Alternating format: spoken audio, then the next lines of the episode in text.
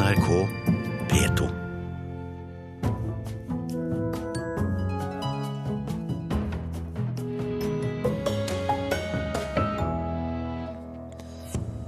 Den nye regjeringens kulturpolitikk er ikke særlig ambisiøs, mener vår kommentator.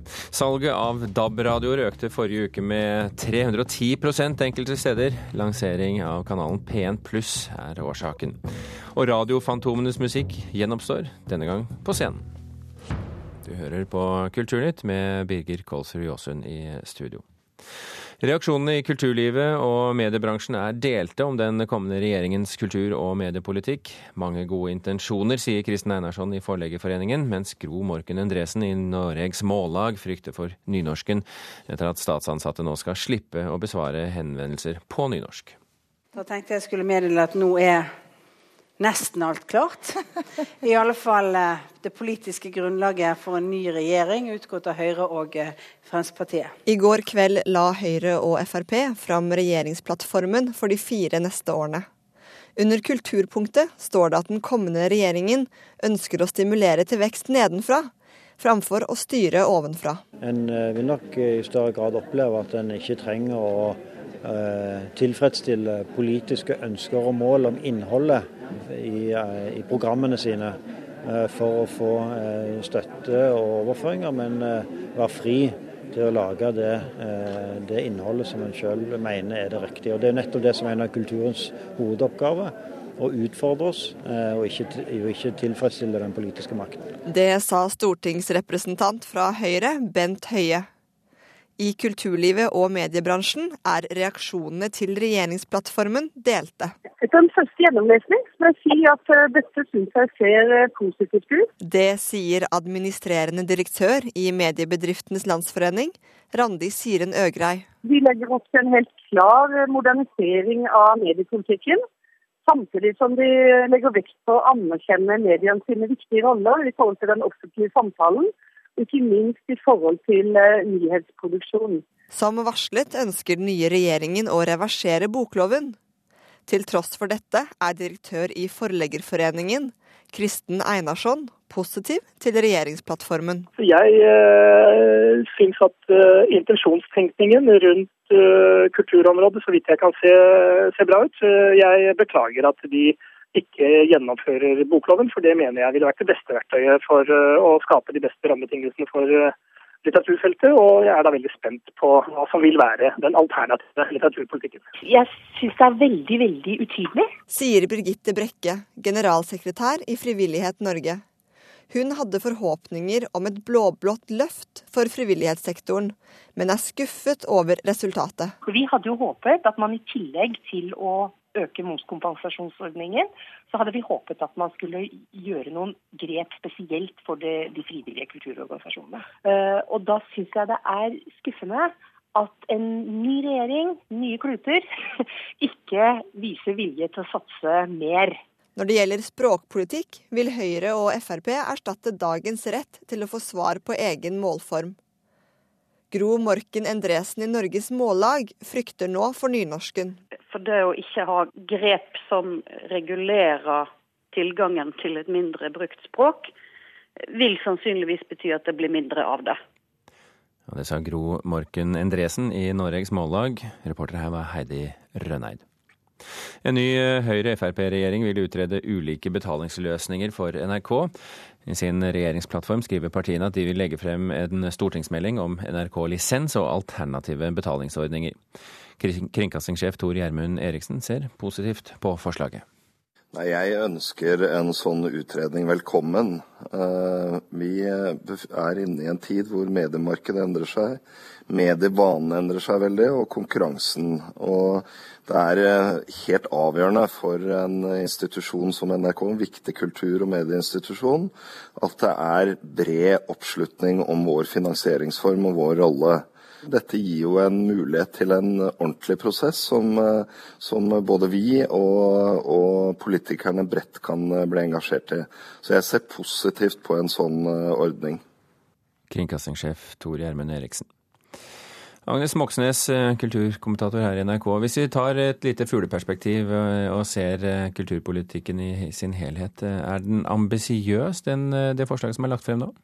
Hvis man tar utgangspunkt i dette forslaget her, eller den kulturpolitiske plattformen slik mm. den kommer til uttrykk, så vil jeg heller si det motsatte. Den er vel mer preget av at en prøver å rette opp feilene fra i går, altså fra et rød-grønt eh, styre i åtte år, enn å peke på en selvstendig kulturpolitikk for de neste fire årene. Det er litt sånn preget av at det er klippet og limt fra to forskjellige partiprogram av to partiledere som jeg mistenker ikke være spesielt opptatt av kultur og kulturpolitikk. Men hvilke hovedgrep avtegner seg? Det viktigste er å gjennomføre det de kaller denne frihetsreformen. altså Som vi hørte Bent Høie si her også, at, at kunstnerne nå og kulturinstitusjonene ikke minst skal få selv få lov til å bestemme hvilke kunstneriske valg de skal eh, ta.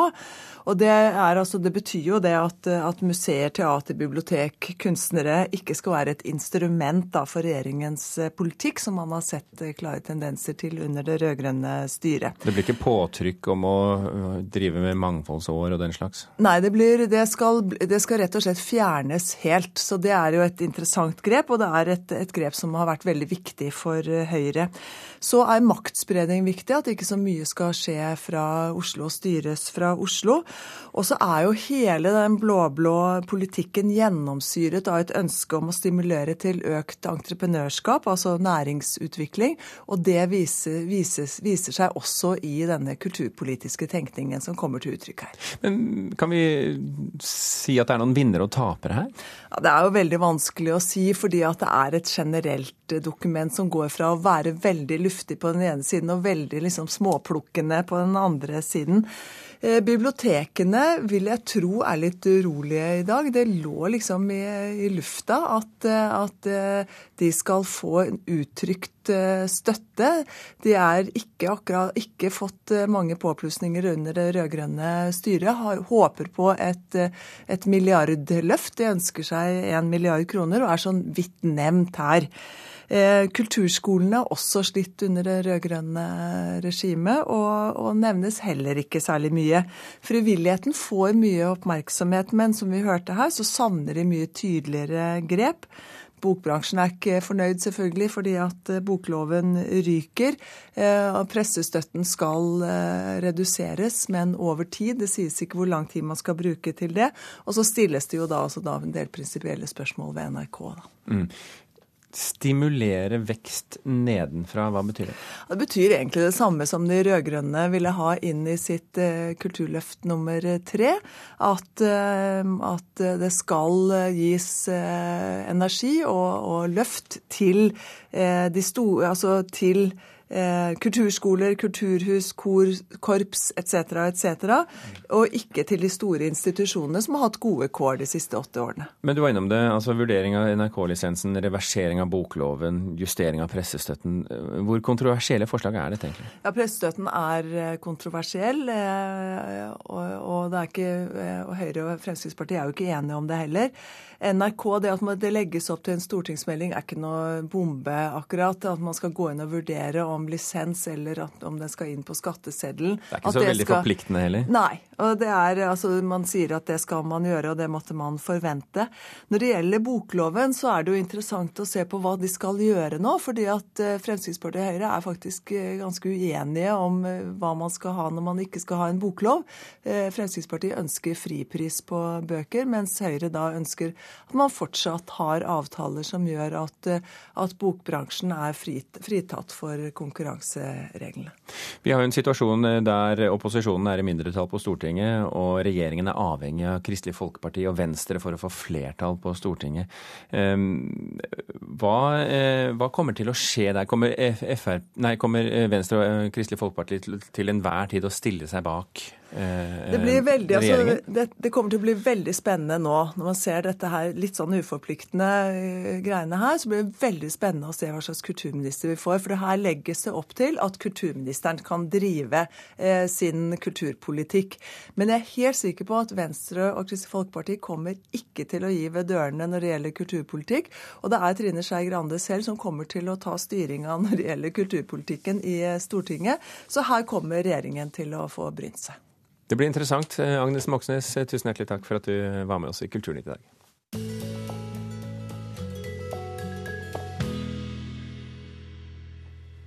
Salget av eh, DAB-radioer har skutt i været den siste uken. Etter at P1 Pluss kom på lufta forrige uke, økte Elkjøp salget av DAB-radioer med 75% fra uken før lansering av den nye kanalen. Sammenlignet med samme uke i fjor, så har salgsøkningen av DAB-radioer vært på over 300 Det er særlig mange eldre som nå skaffer seg DAB-radio. Nå skal jeg ha DAB-radio. Litt, litt nysgjerrig på den NRK pluss. Sier Ann Hauren fra Elverum. Det har vært ekstra interesse for DAB-radio nå de siste par ukene. Det er nok ingen tvil om at vi har opplevd en P1 pluss-effekt i eh, DAB-radiosalget vårt. Vi ser på antall solgte, så var onsdag og torsdag forrige uke skaut i været. Vi solgte vel dobbelt så mange radioer cirka, som vi er på vanlige dager. Kommunikasjonssjef i Elkjøp Norge, Line Oddekalv, sier de i forrige uke hadde en salgsøkning på over 300% sammenligna med samme uke i fjor. 310% har salget økt forrige uke sammenligna med fjorår. Og så tok vi for moro skyld og sammenligna også litt med uka før lanseringa av PM+. Og Da ser vi at også der så har salget økt med 75% Så det er ingen tvil om at det har vært en effekt. Og det er særlig eldre folk som nå kjøper DAB-radio. Jeg skjønner noe på Jeg bruker jeg selv. Sier DAB-radiokjøper Svein Nygård. Vi vil ha en som er helt enkel. Her er den som er populær denne uka her. Eh, nå er den helt ny, så denne her er automatisk stilt inn. Eh, Ved Coop Ops i Elverum er det solgt pallevis med DAB-radioer på få dager, sier Anders Hornsletten. Gått veldig mye. Det har det gjort. 120, tenker jeg. Bare på noen få dager? Ja. Og hovedårsaken tror han er En PM pluss. Så alle vil vite at den går inn. Også ved Euronix har salget av DAB-radioer skutt i været de siste to ukene, sier Geir Skramstad. Det er nesten tomme for det som er av DAB-radioer. Mye pga. at P1 Pluss nå er sluppet på, på DAB. Da. Kommunikasjonssjef Marte Ottemo i elektronikkbransjen sier det hittil i år er solgt 85 000 DAB-radioer, mot 76 000 i hele fjor. Det er opp 59% i forhold, til, i forhold til samme periode i fjor. Ottemo tror salget nå vil fortsette å øke. Vi tror at den trenden bare vil fortsette fremover. Nå har jeg jo akkurat før jeg kjøpt meg en ny radio, og så plutselig oppdager jeg dette. Det er DAB som kommer, og det er å anbefale, altså. Reporter her, det var Stein S. Eide. Klokken er drøyt kvart over åtte. Du hører på Kulturnytt, og dette er toppsaken i NRK Nyheter akkurat nå. Bøndene sier det kan komme aksjoner mot den nye landbrukspolitikken. Forbrukerne må dessuten regne med at maten blir dyrere, ifølge Bondelaget. Den nye regjeringen vil ha full gass i oljeutvinningen, selv om de tapte kampen om Lofoten og Vesterålen. Og mange av de som overlevde ulykken utenfor Lampedusa i forrige uke, sier de nå ønsker å komme til Norge. TV er fremdeles det viktigste mediet for informasjon under valgkampen. Det viser tall fra en undersøkelse Ipsos MMI har gjort på oppdrag for NRK. For aldersgruppen 18 til 29 år var NRK og TV 2 til og med en viktigere informasjonskilde sammenlignet med tidligere valg. Hjertelig velkommen til den siste store partilederdebatten her i NRK. Nær 600 000 nordmenn fulgte den siste partilederdebatten før valget på NRK1. I en ny undersøkelse oppgir et stort flertall NRK og TV 2 sendinger som de beste og mest relevante mediene under valgkampen. Siden mange har spådd en nedgang for TV som medium, er politisk redaktør under valget Kyrre Nakim, overrasket. Det er litt overraskende at ikke TV faller mer, og at den står så sterkt blant de aller yngste, er også litt overraskende. All den tid de elektroniske mediene har kommet sterkere, mobilplattformen, nettplattformen, og vi vet at de er i sterk vekst nettopp i disse gruppene. For andelen unge som gikk til NRK for å finne relevant informasjon om valget, har gått vesentlig opp siden forrige stortingsvalg. Det viser undersøkelsen som er gjennomført av Ipsos MMI på oppdrag fra NRK. På store hendelser som et valg er, så flokker man rundt de store, tradisjonelle mediene. Det er der man er vant til å få trygg og sann informasjon, og det er der man går når man virkelig er opptatt av de store tingene. Det som er viktig å få fram nå også, er at eh, TV-debatter ikke lenger bare foregår på TV. Det foregår på eh, nettet på Facebook og Twitter, og vi følger med på det utover eh, kvelden. og det kan du gjerne komme med. Selv om fjernsyn fortsatt er desidert størst i befolkningen, har sosiale medier blitt en viktigere arena for unge velgere siden siste stortingsvalg. 12% av de mellom 18 og 29 år mener at den beste valgkampdekningen og den mest relevante informasjon er å finne på nettsteder som Facebook og Twitter. Selv om tallet er lavt, er det en kraftig oppgang sammenlignet med forrige stortingsvalg. Kyrre Nakkim tror sosiale medier blir enda viktigere ved neste valg. Sosiale medier blir viktigere, men husk at utgangspunktet så er sosiale medier et helt nytt fenomen. Eh, store deler av befolkningen har ikke begynt å ta det i bruk på den måten ennå. Eh, som et debattforum, som et informasjonsforum. Men der ser vi at det er mye viktigere blant de yngre. Og jeg er helt overbevist om at eh, om fire år igjen så vil sosiale medier være enda viktigere. Reporter her, det var Christian Ingebretsen. Medieforsker Gunn Enli, TV er fortsatt viktig under valgkampen. Er du overrasket over det? Nei, det er jeg ikke veldig overrasket over. Eh, man kan jo si at eh, TV har vært spådd en død over lang, lang tid. Og at eh, TV stadig slår tilbake som en veldig sterk eh, aktør. Altså, Vi må huske på at eh, TV er ikke lenger det samme som det var før heller. Eh, kringkastet TV, som vi tenker på tradisjonell TV, det er jo nå blitt én av Eh, måtene vi ser TV på, men vi ser også mye TV på nett og på mobil. Eh, sånn at TV har blitt eh, veldig mye mer. Og når folk da oppgir i denne undersøkelsen at TV er veldig viktig, så er det på bruk på tvers av ulike plattformer. Og at TV er liksom et sånt sentrum. Det er veldig interessant også i forhold til det at det, nye medier, sosiale medier, alt som skjer på en måte rundt debatten, det tar ofte utgangspunkt i TV. Så TV blir en slags eh, fellesarena hvor eh, vi starter debatten, vi kommenterer det som skjer på TV, og det skjer mange ulike debatter eh, på ulike plattformer. Men TV er ofte den arenaen hvor det på en måte er igangsatt, da. Men kan man også si at sosiale medier på sett og vis er reklamekanaler for TV?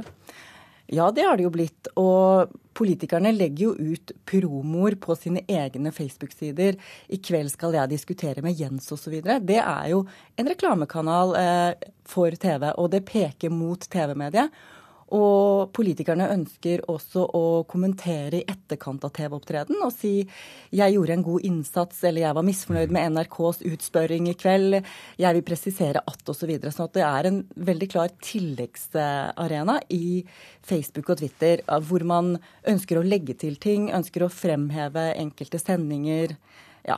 At... Men når sosiale medier også for politikerne begynner å bli en viktig arena hvor de kommer med sine, eh, sine meninger og sin kommunikasjon, hvorfor klarer ikke da sosiale medier å utkonkurrere TV?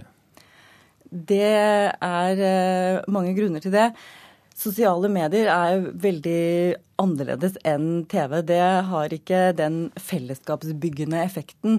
Det er veldig flyktig. Altså hva man får opp i sin personlige feed er veldig ulik for hver enkelt bruker av sosiale medier. Og man klarer på en måte ikke å skape en sånn uh, felles uh, diskusjonsplattform. Så man trenger TV. Man trenger TV for å uh, ha en felles referanse å starte å diskutere ut ifra.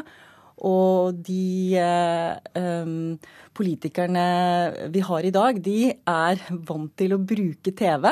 Eh, vant til å opptre foran på en måte kameraer og, og oppføre seg som om eh, det er der det skjer. Og da får man veldig sånn sterk følelse av at man må se på TV, og det er der på en måte de store diskusjonene foregår. Mens det som foregår på Twitter og Facebook, er mer sånn omkringliggende drøftinger og, og utbroderinger.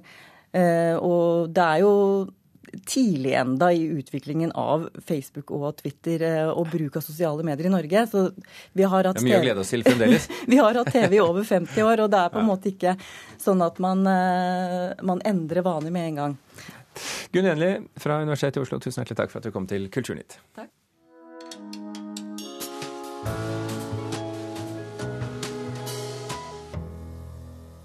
Radiofantomene fra Bergen, Kurt Foss og Reidar Bø satte hele Norge på hodet med sin musikk på 50-tallet. Og, og, nå blir deres musikk en eh, teaterkonsert ved Trøndelag Teater. Og for første gang er teatersjefen regissør.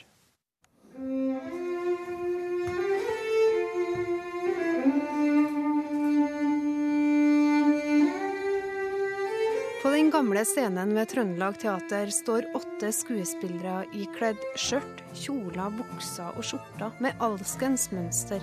Hele scenen er gullbelagt, og både klær og møbler levner ingen tvil. Vi skal tilbake til 50-tallet.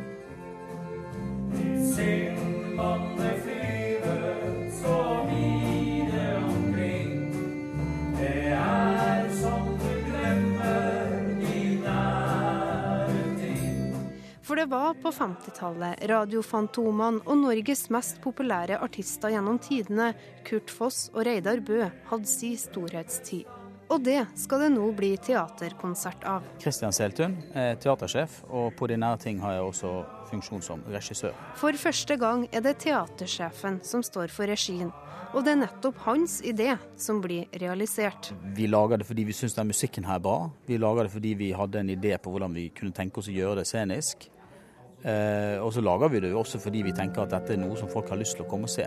Jeg går og rusler på Ringerike, på stille stier jeg sjelden går. Opptaket er fra 1971. Kurt Foss og Reidar Bø satt melodier til dikt av bl.a. Jakob Sande og Arne Påske Aasen. Blåveispikene solgt alene over 120 000 eksemplar. Hei, hei, borti Tyttebærskauen. To av dem som står på scenen er Tore Johansen, og på scenen er jeg også Tore Johansen. Det er helt greit. Ja, jeg heter Ivar Gafseth, og på scenen er jeg for Ivar. Og begge har et personlig forhold til radiofantomene, som Foss og Bø ble kalt. Det betyr veldig mye for meg, for jeg er født såpass tidlig at jeg husker dem veldig godt. Og det er veldig god musikk, og det er utrolig gode tekster som er skrevet. Men det hører en først når en hører dem.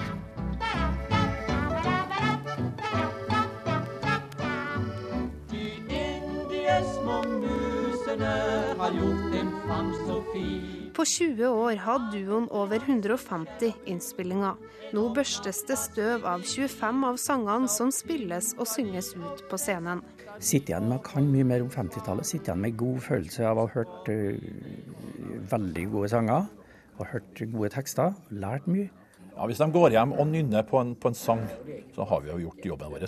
For det er jo mye bedre enn å gå hjem og grue.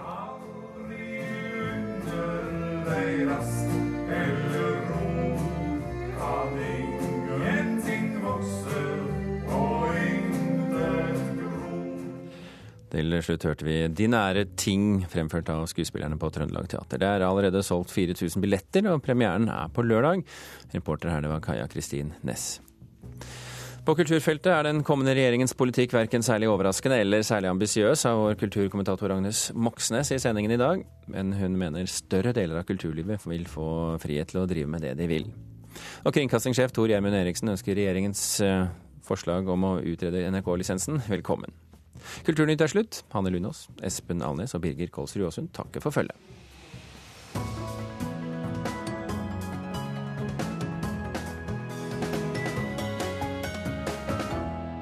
Hør flere podkaster på nrk.no podkast.